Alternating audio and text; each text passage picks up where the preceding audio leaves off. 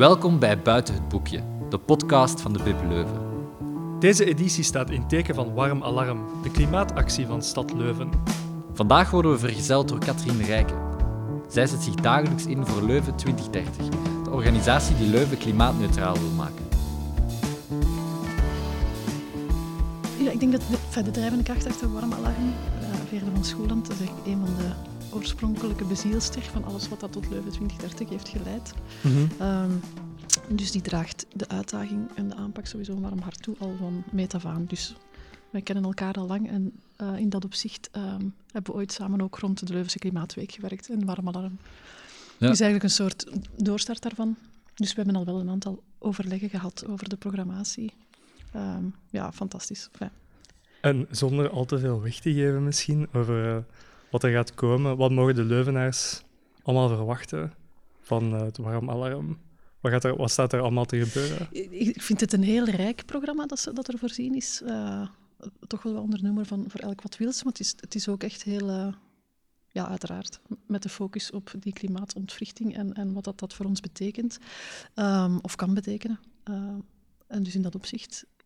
Ja, weet je, voor ons is zo alles wat dat, heel dat culturele, heel dat communicatieve, is een ongelooflijke potentiële hefboom om die transitie mee te voeden. Hè. Dat, is een stukje de, de, grote waarde van de culturele sector in, in deze uitdaging, is dat zij heel hard op verbeelding kunnen werken, op, op nieuwe perspectieven brengen, op, op gedachten uitdagen, nieuwe denkkaders aanreiken of zo. En dus in dat opzicht vind ik dat fantastisch dat, uh, dat in Leuven ook die, die rol wordt opgepakt op en wat, die manier. Wat bedoel je met een transitie? Een, een soort mentale transitie?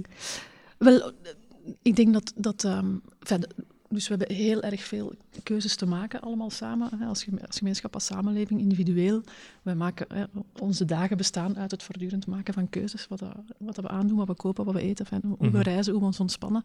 En eigenlijk um, worden we uitgedaagd om die keuzes te herzien, om die, om die te challengen of zo.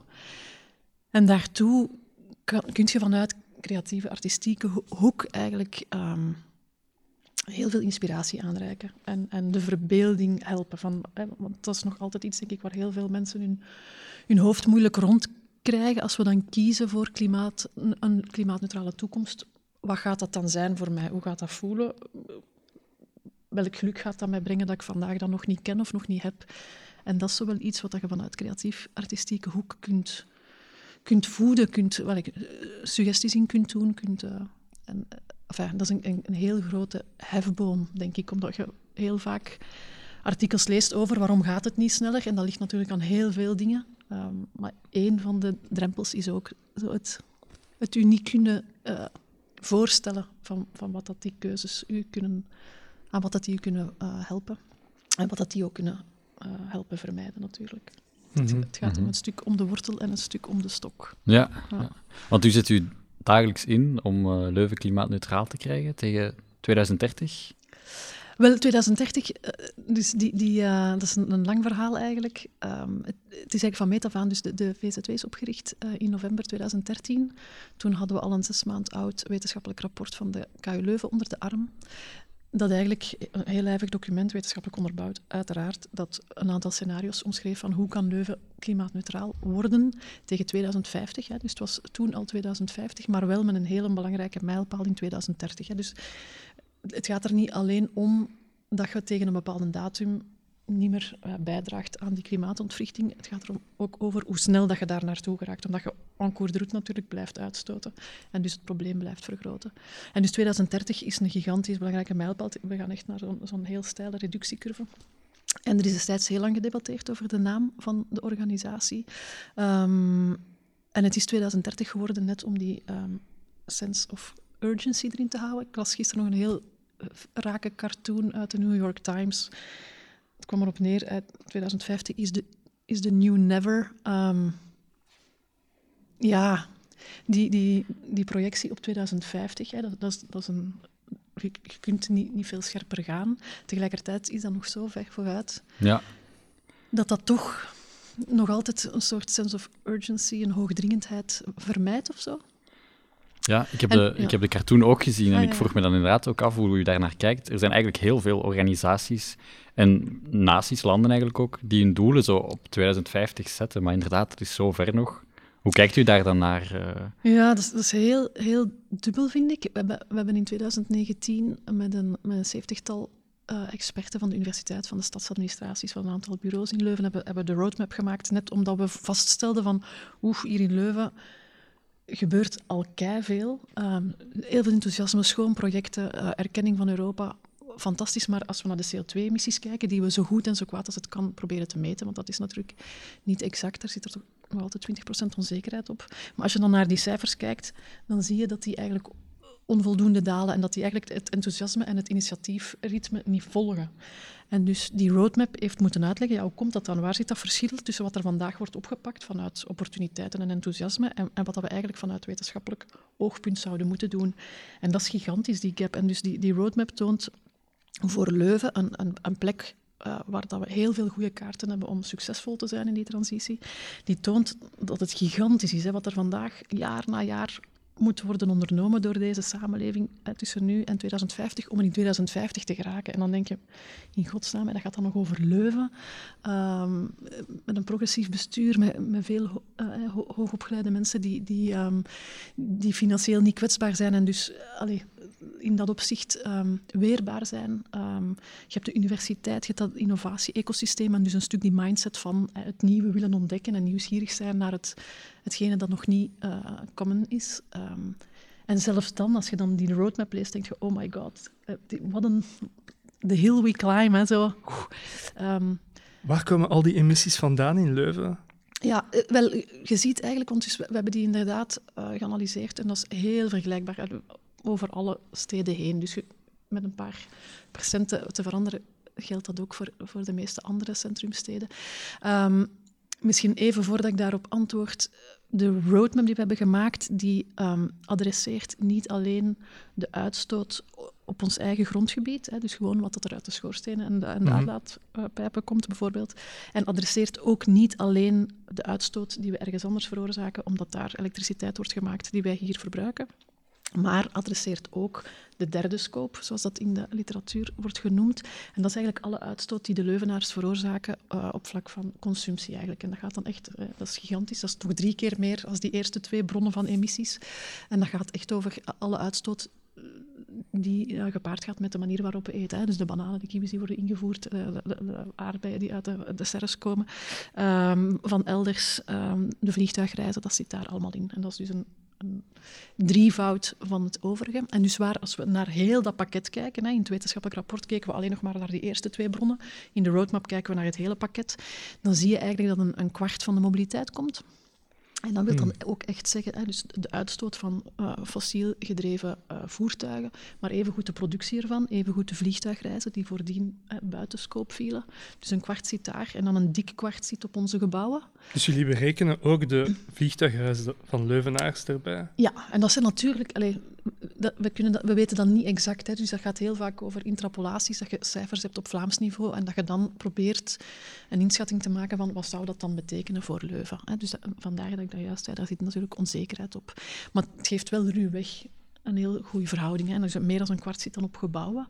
En dan gaat dat niet alleen over de energie dat verbruikt wordt om je temperatuur binnen eh, op peil te houden, maar ook over de energie ehm, bij het eh, bouwen en renoveren van woningen, hetgeen dat in materialen zit. Hè. Hetgeen dat aangevoerd wordt, dat afgevoerd wordt, het, het maken van die bakstenen, het maken van die beton, ehm, dat zit daar ook allemaal mee in. En dus dan zie je, ja, je gebouwpatrimonium is gigantisch.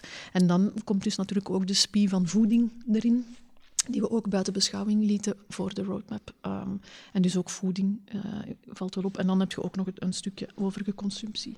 En dus eigenlijk wat dat je ziet, en dat is eigenlijk wel indrukwekkend vind ik, dus we hebben daar een taartdiagramma van gemaakt. En eigenlijk is de uitdaging om die twintig keer kleiner te krijgen. En dus heeft het geen enkele zin om te zeggen, we gaan nu even puur op mobiliteit of op gebouwen focussen. Want als je aan het overige niks verandert, ga je er nog altijd veel te veel over hebben.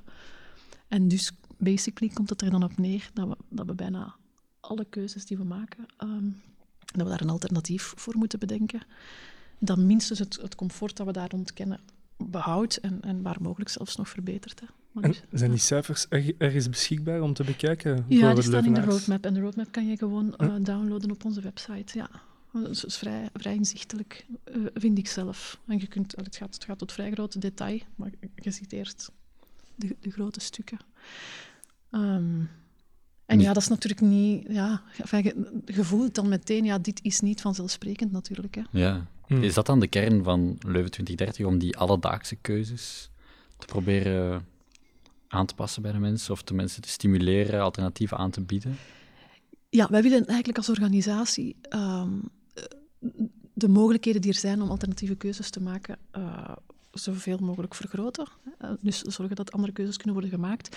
Maar wij zijn er zelf ook van overtuigd dat, dat, we, dat we niet alleen mogen uh, de verantwoordelijkheid leggen bij de individuele keuzes. Hè. Dus uiteraard kan iedereen individueel verantwoordelijkheid opnemen voor een stuk, maar er zit ook natuurlijk een heel groot probleem op systemisch niveau. Hè.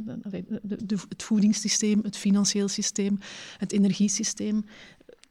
Vandaag zijn er ook maar de oplossingen die er zijn binnen de context die er is. En eigenlijk uh, wat dat de Leuven 2030 ook probeert te doen samen met haar 600 uh, partners, is echt op die context zelf werken. En gewoon ook zorgen dat, dat die systemen worden uitgedaagd. En dat je met nieuwe financieringsinstrumenten komt en dat je met nieuwe regelgeving komt. Uh, en dat je toch probeert om, om de kijk op de dingen uh, uit te dagen. En dus dat vind, vind ik het heel erg boeiend. Hè. Dus enerzijds oplossingen binnen wat er vandaag mogelijk is, zoveel mogelijk kansen ge uh, geven, maar daarnaast ook zorgen dat het veld opengerekt wordt, zodat er nieuwe oplossingen kunnen binnenstromen. Ja. ja. ja. U raakte daarnet uh, de bouwsector aan als onderdeel van het taartdiagram. Ja. U hebt zelf een geschiedenis als ingenieur-architect, ja. klopt dat? Ja, is daar uw, uw inzet voor klimaat begonnen eigenlijk? Dat is een goede vraag. Ik, um, de, de, de, de affiniteit met, um, met duurzaamheid en zo zit er eigenlijk al van jongs af aan in. En niet zozeer...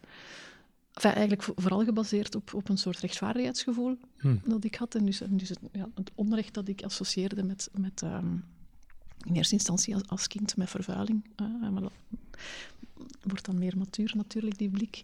Um, ik ben dan inderdaad als ingenieur... Uh, architect in de, in de, in de studiebureauwereld gerold. En daarin dan uh, eerst in, op het, uh, in het team rond stadsontwikkeling, omdat dat mij heel erg fascineerde. Gewoon hoe een stad in el elkaar zit, hoe een stad mogelijkheden schept. Um, maar dan ook stilaan in, de, in, de gebouw, uh, in het gebouwteam gerold en daar dan vooral gewerkt op passiefbouw, publiek-private samenwerking. En waar dat echt ook de samenwerking over muurtjes heen of zo um, interessant wordt. Dus het is wel zo'n beetje van alles dat dan samenkomt in mijn keuze. Ja. Uh, en de kans die ik dan heb mogen grijpen om um, in Leuven mee die klimaattransitie vorm uh, te helpen geven. Omdat je daar, dat zit, dat zit en op die samenwerking tussen partijen, dat zit, dat zit en op, heel hard op dat stad en gebouw. En dat zit toch ook heel hard op, uh, op waarde gedreven en maatschappelijke relevantie. Zo. Ja, die ik, die ik op de duur misschien op, het, op de, mijn vorige plek wat begon te missen. Of zo, ja. Dat passief bouwen, kent dat een opkomst in Leuven? Goh, dat is moeilijk. Daar ken ik de, de detailcijfers niet van. Um, dat is bijvoorbeeld een van die voorbeelden waar, dat de, waar dat de regelgeving maar met mondjesmaat um, ja, de, de koerswijziging probeert in te zetten. Dat is heel dubbel ook. Hè. Langs de ene kant um, super begrijpelijk, omdat en dat zit ook echt mee in onze DNA vanaf dag één, omdat je ook moet zorgen dat je transitie niet onbetaalbaar wordt uh, en, en, eigenlijk een soort elitair programma wordt. Um, en dus dat is een, een hele essentiële. En, en van, vanuit die optiek is dat ook super begrijpelijk dat, dat alles maar incrementeel verandert. Tegelijkertijd um, beseffen we ook met velen dat we er niet op tijd gaan geraken als we gewoon blijven de dingen een beetje beter, een beetje meer en een beetje sneller doen. Um, dus er moeten grotere stappen genomen worden, maar je moet dat dan proberen te doen op een manier um, dat je wel je, draagvlak hebt, dat, dat, het, dat het vertrouwen niet breekt, dat, dat, dat het politiek levensvatbaar blijft, dat het economisch behapbaar blijft en dus maar toch radicaler gaan. En we zijn dan geselecteerd in een uh, Europees programma eind 2019, samen met negen andere Europese steden, net om dat te gaan onderzoeken. Waar zit, waar zit die, die radicale mogelijkheid om sneller te gaan, maar op een manier dat, ja, dat het wel aanslaat en dat het wel werkt. Het heeft geen zin om radicaal te zijn als niemand, niemand in dat gat, uh, of niemand mee die sprong maakt, hè, dan, dan zet je radicaal zonder impact. Um, en daar zitten we dus sinds eind 2019 in dat traject. Um, wat dat heel boeiend is, maar wel... Um, Welke andere steden zitten daar nog bij? Ja, dat was, wij waren daar heel uh, aangenaam door verrast. Dus we zitten echt in een, in een poelen met uh, Kopenhagen, met Wenen, met Amsterdam, uh, Madrid, Milaan, Edinburgh. Allee, zo'n aantal... Krakau zit er ook tussen.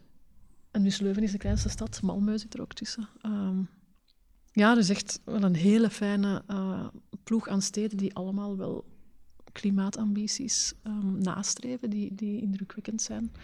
Maar die ook gewoon heel hard in die zoektocht zitten. Hè. Allee, als, het, als het eenvoudig was, was het natuurlijk al gebeurd.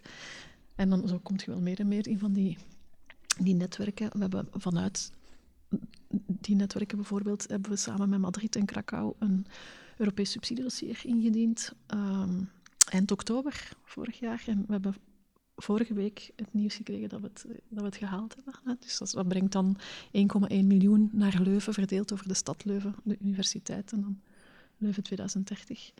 Uh, en dat gaat dan specifiek over heel intensieve ingroeningsprojecten. Dus dit zit een stukje op adaptatie, hè, de stad aanpassen aan wat er komt. Uh, we proberen de twee te doen. Hè. Adaptatie wil, inderdaad zeggen, het klimaat is ontwricht. We gaan die gevolgen meer en meer voelen. Hè. Want er is zoveel CO2 geaccumuleerd en je, voelt vandaag de effecten van wat er 30 jaar geleden is uitgestoten. Dus zelfs als we morgen stoppen met uitstoten, gaan we nog 30 jaar lang het zien negatief evolueren.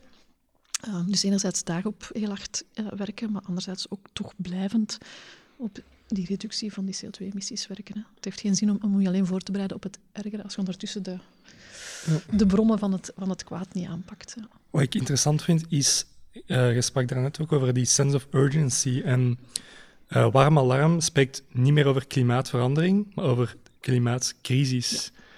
En dat is ook een, een evolutie binnen de mindset van mensen, dat wel belangrijk is om echt aan te duiden van, kijk, het, het is hier echt eigenlijk een oorlog dat we aan het voeren zijn, mm bijna, tegen klimaatverandering. Uh, is er een manier om dat ja, over te brengen naar, naar de Leuvenaars zonder echt ja, aan angstzaaierij of zo te doen, snap je? Ja, ik vind dat een hele delicate oefening. Dat, ja, dat is, dat is, heel erg delicaat. Dus mm. ik zelf spreek ook al heel lang niet meer over klimaatverandering, maar over klimaatontwrichting. Um, omdat klimaatverandering ook te veel nog kan aanvoelen als een soort natuurlijk proces. Alles verandert. Um, terwijl in ontwrichting of crisis inderdaad wel echt die problematiek genoemd wordt.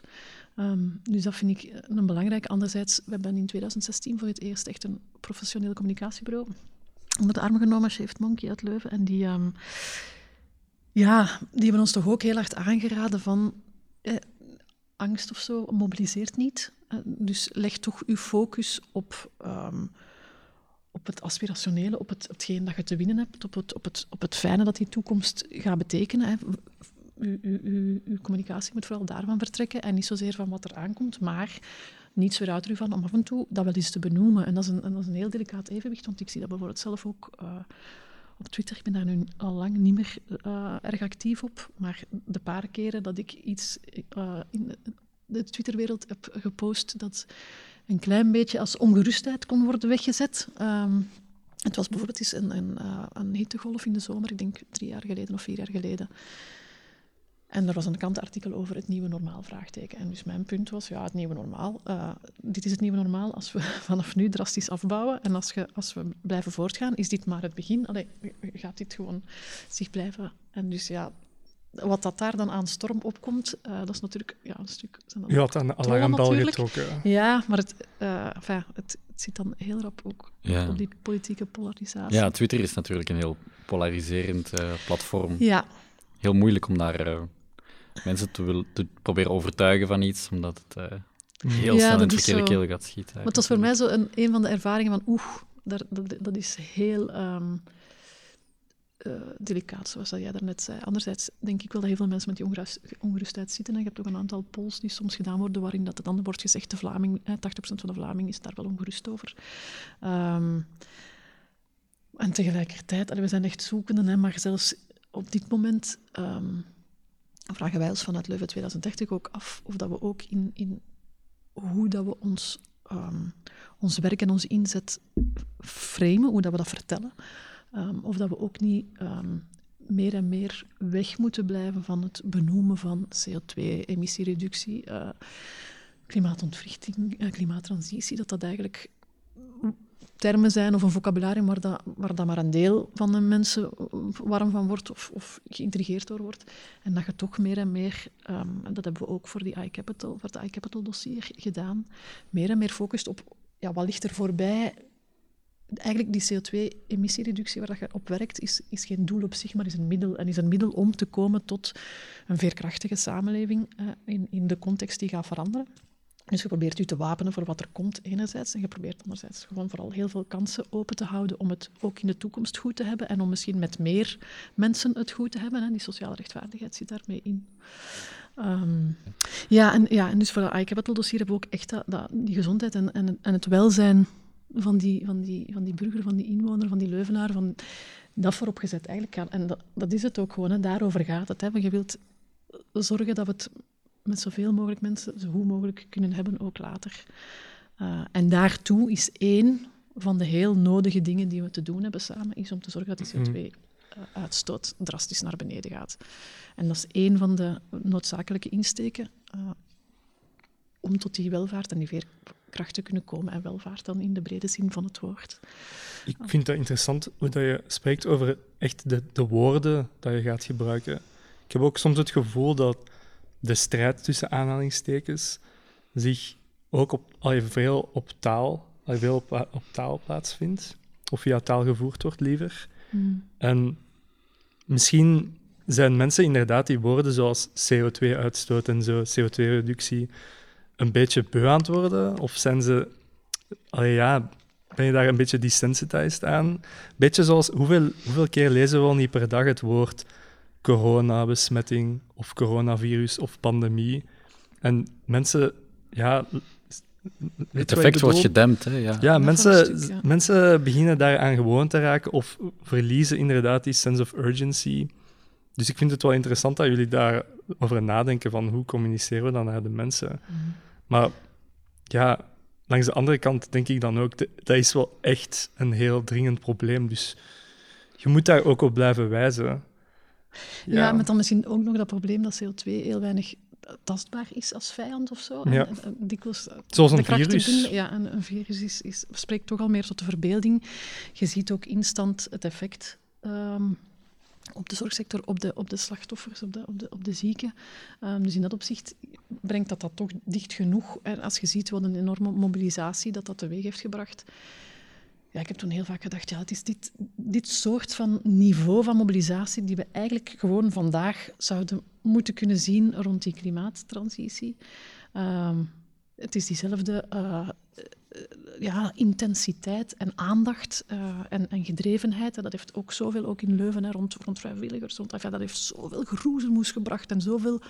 Um, en eigenlijk is het, is het dat, dat effect uh, die een dynamiek die je ook vandaag al tot 2050 zou moeten kunnen activeren. En dus dan, dan denk je, hoe gaan we daar ooit in slagen om die eagerness um, te hebben? En dat, allee, ik wil ook niet verder de parallel met, met, met, de coronapandemie um, doortrekken.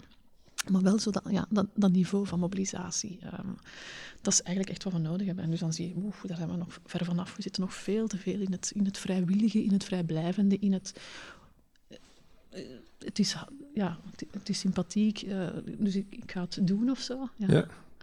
Maar hoe kan de doorsnee Leuvenaar pakweg zijn steentje bijdragen? Goh, er zit heel veel... Dus, eh, de allergrootste hefboom zit op verandering van systemen. En dat gaat echt over uh, het financiële systeem moet anders, het economische systeem. En een stuk ook die, mm die uitdaging van dat, dat kapitalisme. Hè, hoe, hoe, een aantal systemen zitten, zitten zo fundamenteel verkeerd in het licht van wat we te doen hebben, dat, dat daarbinnen individuen absoluut kunnen bijdragen. Um, maar dat gaat nooit volstaan. En dus dat, dat, is iets wat ik zeker ook altijd wil vermijden, van, van dat te insinueren. Van als iedereen hier uh, zijn best een beetje doet, dan, dan, dan komt het goed. Anderzijds wil ik het ook niet minimaliseren, wat dat alvast al bijdraagt. En dus waar gaat het dan over? Ja, dat is echt heel erg die zoektocht naar die, naar die mobiliteit. Hè. Die, dat is ook vandaag uh, zien we in, in Leuven, ondanks de gigantisch positieve impact van het circulatieplan in Leuven, um, dat mobiliteit um, niet even goed evolueert dan, dan, dan energieverbruik bijvoorbeeld. Dus dat is de, de, slechtste, de slechtst evoluerende parameter in Leuven. Dus mobiliteit is een grote. Uh, hoe kunt je u op een comfortabele manier niet fossiel verplaatsen? En dat is een Mhm. zoektocht. Um, Anderzijds, als ik me niet vergis, is uw organisatie deels verantwoordelijk voor um, recente eerste um, elektrische bussen van de lijn die rondrijden in Leuven. Klopt dat? Ik zou zeker niet zeggen verantwoordelijk, dat is veel te veel uh, eer. Um, wat wel zo is, is dat um, de lijn is mee stichtend lid van Leuven 2030. Um, dus was eigenlijk vanaf dag één mee pleitbezorger voor, voor wat dat we hier uh, kozen te doen. Heeft ook de roadmap mee ondertekend als een van de 15 sleutelpartners hè, die op strategisch niveau hebben ondertekend. Is de directeur-generaal die heeft ondertekend. En met die handtekening gezegd, goed, die roadmap is voor ons de weg vooruit. En in die roadmap staat inderdaad ook uit tegen, ik weet het niet meer van buiten, 2025 denk ik, dat de, de stadsbussen, de bussen in het centrum, uh, elektrisch zouden moeten zijn. Allemaal? Ja. Amai, Ik heb er al eens eentje zien rijden. Ja, en dus het feit dat, je dan, dat de lijn vertegenwoordigd is in uw raad van bestuur, die roadmap, en dus dat er ook gewoon geweten is van in Leuven staat die een blik open om, om snel, sneller te schakelen, dan maakt natuurlijk dat de kans ook vergroot is geweest om de eerste elektrische bussen hier te hebben. Maar natuurlijk, ja, alle centrumsteden worden graag bediend, dus het zal nu aan Antwerpen of Brugge zijn, uiteraard zit daar, zit daar ook een, een, een, politieke logica in die heel verdedigbaar is. Maar het was wel heel fijn om... En dan, we hebben dan ook onze stickers op, op die bussen mogen laten, um, laten plaatsen. Dat soort partnerschappen is natuurlijk wel fijn op dat moment. Ja. Die stickers op die bussen verhogen natuurlijk ook weer die sensibilisering in de stad ja. zelf. Ja. Hoe kijkt u eigenlijk naar de algemene evolutie, uh, Tesla en zo bijvoorbeeld, uh, van elektrische wagens? Omdat ja, u wel zegt dat het wel traag gaat in Leuven uh, qua mobilisatie. Uh, ja. Dat die evolutie eigenlijk de, de slecht scorende leerling van de klas is, om het zo te zeggen.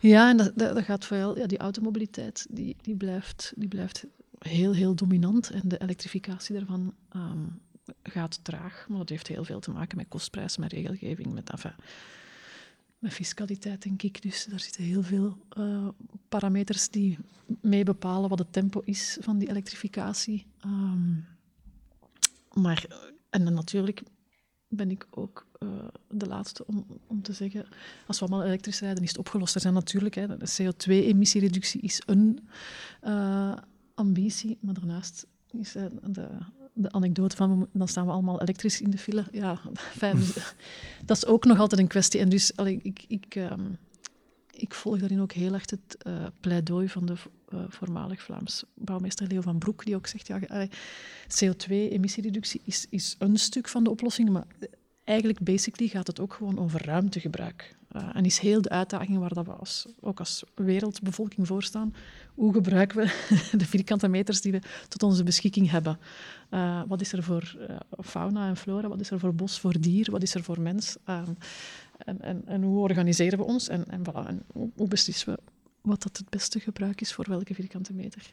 En dus in dat opzicht als je enkel en alleen eng kijkt naar je CO2-emissiereductie, gaat je misschien tot ideaalbeelden komen die, als je uitzoomt, zeer suboptimaal zijn. Dus we zijn ook zeker niet te beroerd om te weten dat er bredere perspectieven nodig zijn om goed te evolueren dan zuiver blind staren op CO2-reductie. Ja. En om het even concreet voor te stellen, de ruimte beter gebruiken, moeten we dan verticaler gaan per vierkante meter? Allee, de ruimte meer verticaal gebruiken? Of hoe leg je dat, dat uit ja. aan iemand? Uh, ja. Dat is ook een hele delicate. Enfin, heel veel is, is delicaat. Hè? Want dus, voor sommigen voelt het dan aan als hè, we moeten, het moet uh, denser en dus dichter op elkaar. En dat is natuurlijk uh, niet voor iedereen een aantrekkelijk idee Mhm. mm -hmm. of zo.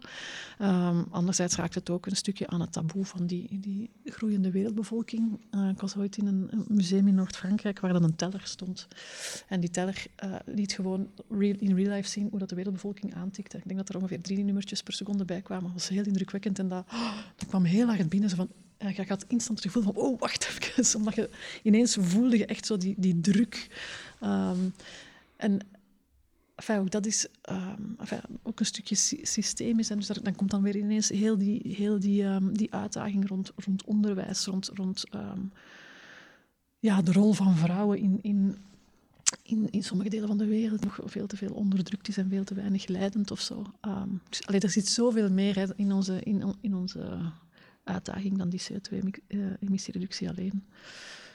Ehm, Heb je het gevoel dat Europa dan voldoende doet? Want zoals u daarnet zei, het is eigenlijk sy- systemische veranderingen die nodig zijn. Dus eigenlijk moet je een beetje de hele wereld als een grote puzzel zien.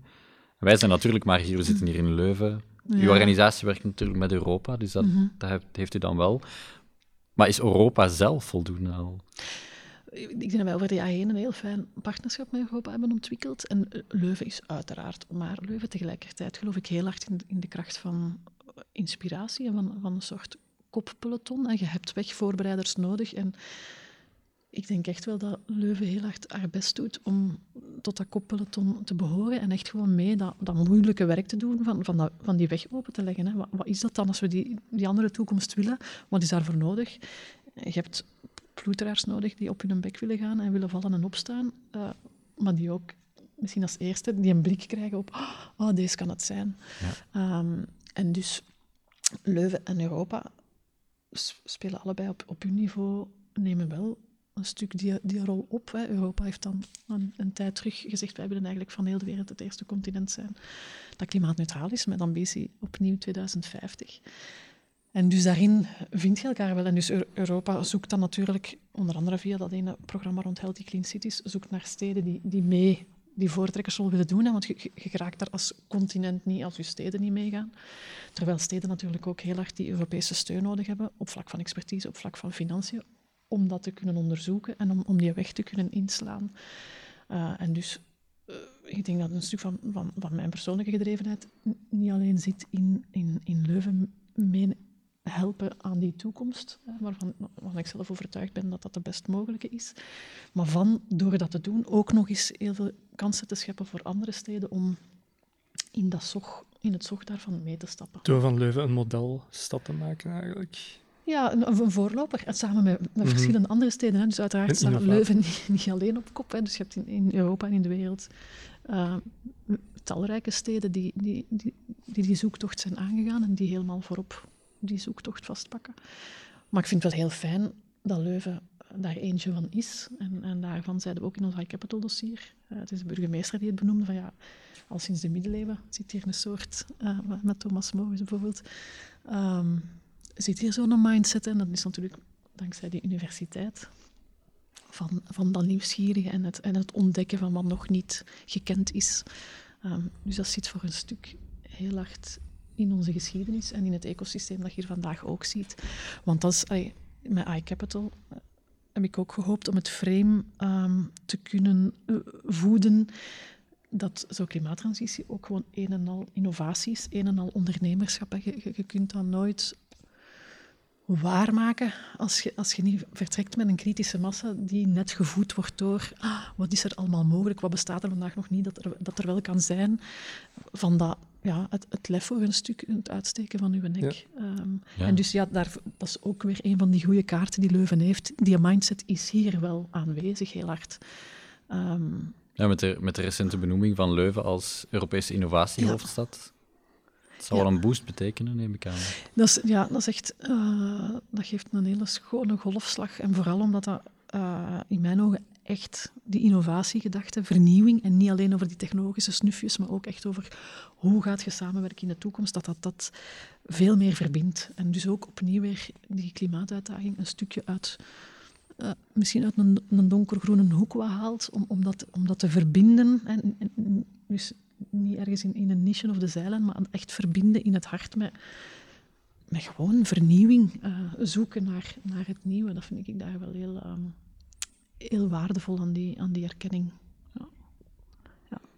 Dus um, ja, opnieuw een, heel belangrijke uh, duw in onze rug, um, omdat dat een stuk de, de geloofwaardigheid bevestigt van wat dat gaan doen bent. Een heel schone erkenning is voor alle partners die daarmee met u dagelijks aan bouwen. En dat dan natuurlijk ja, qua visibiliteit interessant is. En, dan, en ja, hoe meer ogen ook dat er dan op Leuven gericht zijn, maar dan daar in Leuven, daar gebeuren wel heel interessante dingen. Ja, hoe gemakkelijk het ook hier lokaal wordt om de lat hoger te leggen. Want ja, iedereen is aan het kijken, dus bepaalde dingen kun je niet meer maken, bij wijze van spreken. En dat is een hele interessante dynamiek en, en denk ik wel uh, een belangrijke dynamiek ook om, om sneller vooruit te gaan. Um, dus in dat opzicht um, is dat heel kostbaar, zo'n uh, zo'n externe erkenningen. En denkt u dat we het gaan halen? Als, alleen met Leuven misschien? Of tegen 2030? ja, ah, wel, dus tegen 2030. Bent u optimistisch dan... erover? Uh, moeilijke vraag, vind ik. Um, ik las nu onlangs in een interview, ik vond het interessant. Um, het was iemand die de twee combineerde, dat hij zei, eh, vanuit moreel uh, standpunt optimistisch. Als in, ja, je kunt niet defetistisch zijn. Dat, je, hebt gewoon um, een, stuk de plicht om, om te zeggen, man het gaat, en vrouw, het gaat lukken. We gaan deze gewoon doen. En anderzijds, vanuit wetenschappelijk standpunt, wel het pessimisme. Het was, het was sterker gezegd dan dat, maar ik dacht, oh, dat moet ik onthouden, want dat, resoneerde heel hard met hoe ik er naar kijk. Dus er zit ook zeker een stuk pessimisme in mijn blik. Um, en dat heeft een stuk te maken met dat een groot deel van het succes ook gewoon systemisch is. En dat kun je op stadsniveau niet, niet oplossen. Hè. De regelgeving die je van, van Europa, die dan doorcijpelt, nationaal, Vlaams, gaat zo traag. Vlaanderen is ook, blinkt op beleidsniveau ook niet uit in, in klimaatambitie. Um, een stuk onder, onder het mom van betaalbaarheid. Maar het gaat dan heel zelden over wat gaat het wat gaat het betekenen, wat gaat het met zich meebrengen, wat gaat het kosten als, als we het niet doen, hè? als we achterop hinken, als we een stuk... Hè, Vlaanderen is toch ook een heel innovatieve regio. Ja, waarom, waarom zien we dit, waarom lopen we niet mee voorop in, in het, onder, het ontwikkelen van de oplossingen die we nodig hebben? Um, dat doen we voor een stuk, maar waarom benoemen we dat ook niet zo? Um, en waarom volgen die concrete ambities dan niet snel genoeg? En natuurlijk um, is het essentieel dat we um, bewaken dat dit bijvoorbeeld door een shift ook uh, dat dit een herverdelende transitie ook is, die maakt dat de ongelijkheid um, aangepakt wordt en kleiner wordt in, in plaats van versterkt. Dat, is, dat, is, de grote vrees natuurlijk, dat de ongelijkheid alleen maar gaat versterkt worden. Um, dus dat, dat, uiteraard is dat, in het centrum van wat we in toog moeten houden, wat we moeten bewaken. Maar neemt niet weg dat we dus voor een heel groot stuk ook wel afhankelijk zijn van wat er rond ons gebeurt. En dus voor een stuk denk ik ook dat wat we hier in Leuven proberen te doen, is gewoon alles en iedereen klaarzetten. Dat op het moment dat er systemisch een aantal dingen gebeuren, en dat kan soms... Uh, ik heb, zoals dat Beker daar ook eens over horen spreken, soms is er maar een, een, een heel specifiek event nodig, een, een, uh, een financiële crash. Weet, dus iets, iets punctueel dat, dat wel een heel systeem kan challengen. En dus, maar proberen we hier in Leuven iedereen op een, op een running te hebben dat op het moment dat die systemen iets meer toelaten, dat je eigenlijk gigantisch voorbereid zet om dat moment direct te pakken. Um, want dus puur op, op lokaal niveau alleen heb je niet genoeg sleutels in handen om het, om het te doen. Dus je bent voor een stuk zit je in een afhankelijke positie natuurlijk. En zijn er landen of misschien steden of personen misschien zelfs die voor een organisatie als Leuven 2030 een voorbeeldfunctie hebben? Want als, jullie zijn echt, jullie, zijn, jullie staan eigenlijk voor een, ja, een moeilijke taak die, allee, zegt maar, een unknown frontier dat jullie betreden. Hè? Dus naar wie kijken jullie soms voor inspiratie of zo? Ik denk dat dat heel, heel, heel uiteenlopend is. Um, we kijken soms naar steden en nu in, dat recent netwerk, via iCapital zit ook weer een interessant netwerk, maar met die Healthy Clean Cities. Dus we kijken naar steden als Wenen, als Madrid, als, als, als Kopenhagen, als Amsterdam. Amsterdam die zijn op vlak van renovatie interessant bezig. Madrid en Milaan. Madrid heel op ingroening. Milaan heeft een interessant renovatiefonds waar ze mee aan het starten zijn. Dus het gaat niet zozeer over één stad waarvan je zegt, oh, die zijn dan nu allemaal aan het doen, maar je, plukt gewoon uit elke stad daar mhm. waar dat ze sterk in zijn of waar dat ze straf op, bezig zijn. Maar even hoe gaat dat over expertise die je hier probeert te bundelen. En dus eh, vooral, en omdat dat nu recent is, die samenwerking met EIT Climate Kick heeft een aantal um, experten naar Leuven gebracht. Uh, vanuit Londen, vanuit Stockholm, um, van, van heel interessante organisaties. Die dan ook, en dus ja, die brengen allemaal heel rijke puzzelstukken aan. En wat dat we dan hier proberen te doen, is gewoon die puzzelstukken leggen en zorgen dat die in elkaar passen. Um, een van die uh, bureaus was Dark Matter Labs bijvoorbeeld uit Stockholm. Ja, dat is, dat is een, een organisatie um, die van stedelijke klimaattransitie hun focus hebben gemaakt en, daar, en dan de processen. Hè. Wat, wat, wat is er nodig om, om dat waar te maken qua, qua, qua governance? Dat is een, een zwaar woord, maar dat gaat over hoe werd je samen? Wat zijn, wat zijn de verhoudingen tussen de partijen die daarin moeten geactiveerd worden? Wie heeft welk mandaat? Wie, wie beslist? Wie heeft een beslissingsbevoegdheid? Wie neemt welke verantwoordelijkheid? Checks en balances, hoe regelt je dat? Dus echt welke structuur, welke architectuur heb je nodig op stadsniveau? Um, en dus ja, die, die zijn dan heel gefascineerd door wat er hier in Leuven gebeurt rond een Leuven 2030 bijvoorbeeld. Heel die netwerklogica, waarbij dat niet alleen de stad achter het stuur zit, maar waarbij dat je echt een raad van bestuur hebt die uh, op strategisch niveau keuzes maakt rond die klimaattransitie. En waarin dat ook de universiteit uh, een stem heeft en de universitaire ziekenhuizen hebben een stem en IMEC heeft een stem en De Lijn heeft een stem en VOCA heeft een stem uh, en KBC heeft een stem. En, en die vertegenwoordigen elk een heel deel van de samenleving, de bedrijven, de, kennisinstellingen. En dus, dus zij zijn eigenlijk heel gefascineerd door hoe dat, dat hier gebeurt. Uh, daar hebben we ook al veel anderen mee ge, geïnspireerd, maar zelf brengen ze dan ook weer heel interessante kennis binnen. En dus zo gaat het voor ons niet zozeer over... Er zijn een, een paar afgebakende voorbeelden die, die voor ons het hele op, oplossingsspoor uh, voorhouden, maar is het meer over de, de sterktes uit het landschap plukken en die dan hier ja. op een slimme manier verbinden. Kijken jullie ook naar steden of regio's buiten Europa? Dan minder eigenlijk. Ja, nee, dat is een goede vraag. Want er gebeurt van alles, hè? in China en zo, in ja, Zuid-Amerika, in de VS nu ook. Ja, dus dat, dat, zit, dat zit wel iets meer in onze perimeter. Dus dat zullen we, ja, als dat, als dat de, de krant haalt, de actualiteit, dan, dan pakken we dat wel mee. Maar echt dat daar cases zijn waarin we ons verdiepen. Vancouver is misschien zo wel een voorbeeld. Er is, uh, bij Climate Kick, ja, onze hoofdcontactpersoon, die heeft destijds in Vancouver ook een zwaar proces rond transitie getrokken. Dus in dat opzicht krijgen we dan ook daar een stuk een pijplijn of zo. Maar het is wel heel bescheiden, dus de, de focus zit toch vooral op Europa. Mm -hmm. ja. En dat is, um, ja, en ik geloof daarin wel. Ik denk dat da daar Europa en haar klimaatambitieuze steden elkaar wel heel schoon gevonden hebben. En dat je dat er heel hard dat wederzijds besef is van we hebben elkaar nodig um, om het waar te maken. Um, en dat, er veel gedeelde waarden zitten in het moet radicaler, het moet sociaal rechtvaardig, het gaat over jobcreatie, het gaat over welvaart veiligstellen. Um, dus dat er een hele grote gedeelde blik is over wat dat we te doen hebben en waarom dat we dat te doen hebben. Dus, dus voor ons zit een, ja, een hoofd, ja, het middelpunt van de dynamiek zit wel Europees. Ja. -hmm. En ik wou ook nog weten eigenlijk, wanneer kunnen wij in Leuven elektrische bussen zien rondrijden? Allee, je moet er niet per se een datum op plakken misschien, dat is misschien ook niet mogelijk. Maar wanneer denkt u dat dat een ding kan worden? Ja, ik weet dat eergisteren, van voorbije week, heeft de burgemeester nog met de CEO van de lijn een gesprek mm -hmm. gehad daarover. Ik, ik, ik, weet niet wat daaruit is gekomen. Uh, ik las wel in de krant hè, dat, dat de minister Lydia Peters heel hard op die elektrificatie duwt, terwijl de lijn zegt, ja, die targets zijn niet haalbaar. Uh, maar ze werken er wel aan. Maar anderzijds had ik gelezen dat, er ook nog recent een hele grote poelen aan um, fossiel gedreven bussen is besteld. Dus het is een heel moeilijke transitie en dat gaat dan ook ja, weer over kostprijs heel vaak. En dus, dat vind ik ook nog wel een interessante als we het over systemen hebben. Heel veel van onze systemen functioneren op korte termijn. Het politieke systeem, het economische systeem zit heel hard op, op korte termijn. Terwijl wat we nodig hebben om dit succesvol te doen, is een soort lange termijn denken. Um, ook wij als mens zijn eerder korte termijn denkwezens dan, dan dat we functioneren, gedreven door lange termijn.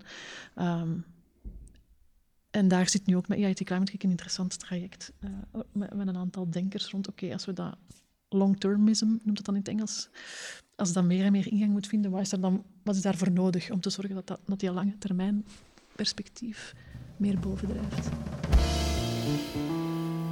Volgende keer spreken we met een van de drijvende krachten achter Leuvense tweedehandswinkel Kapstok.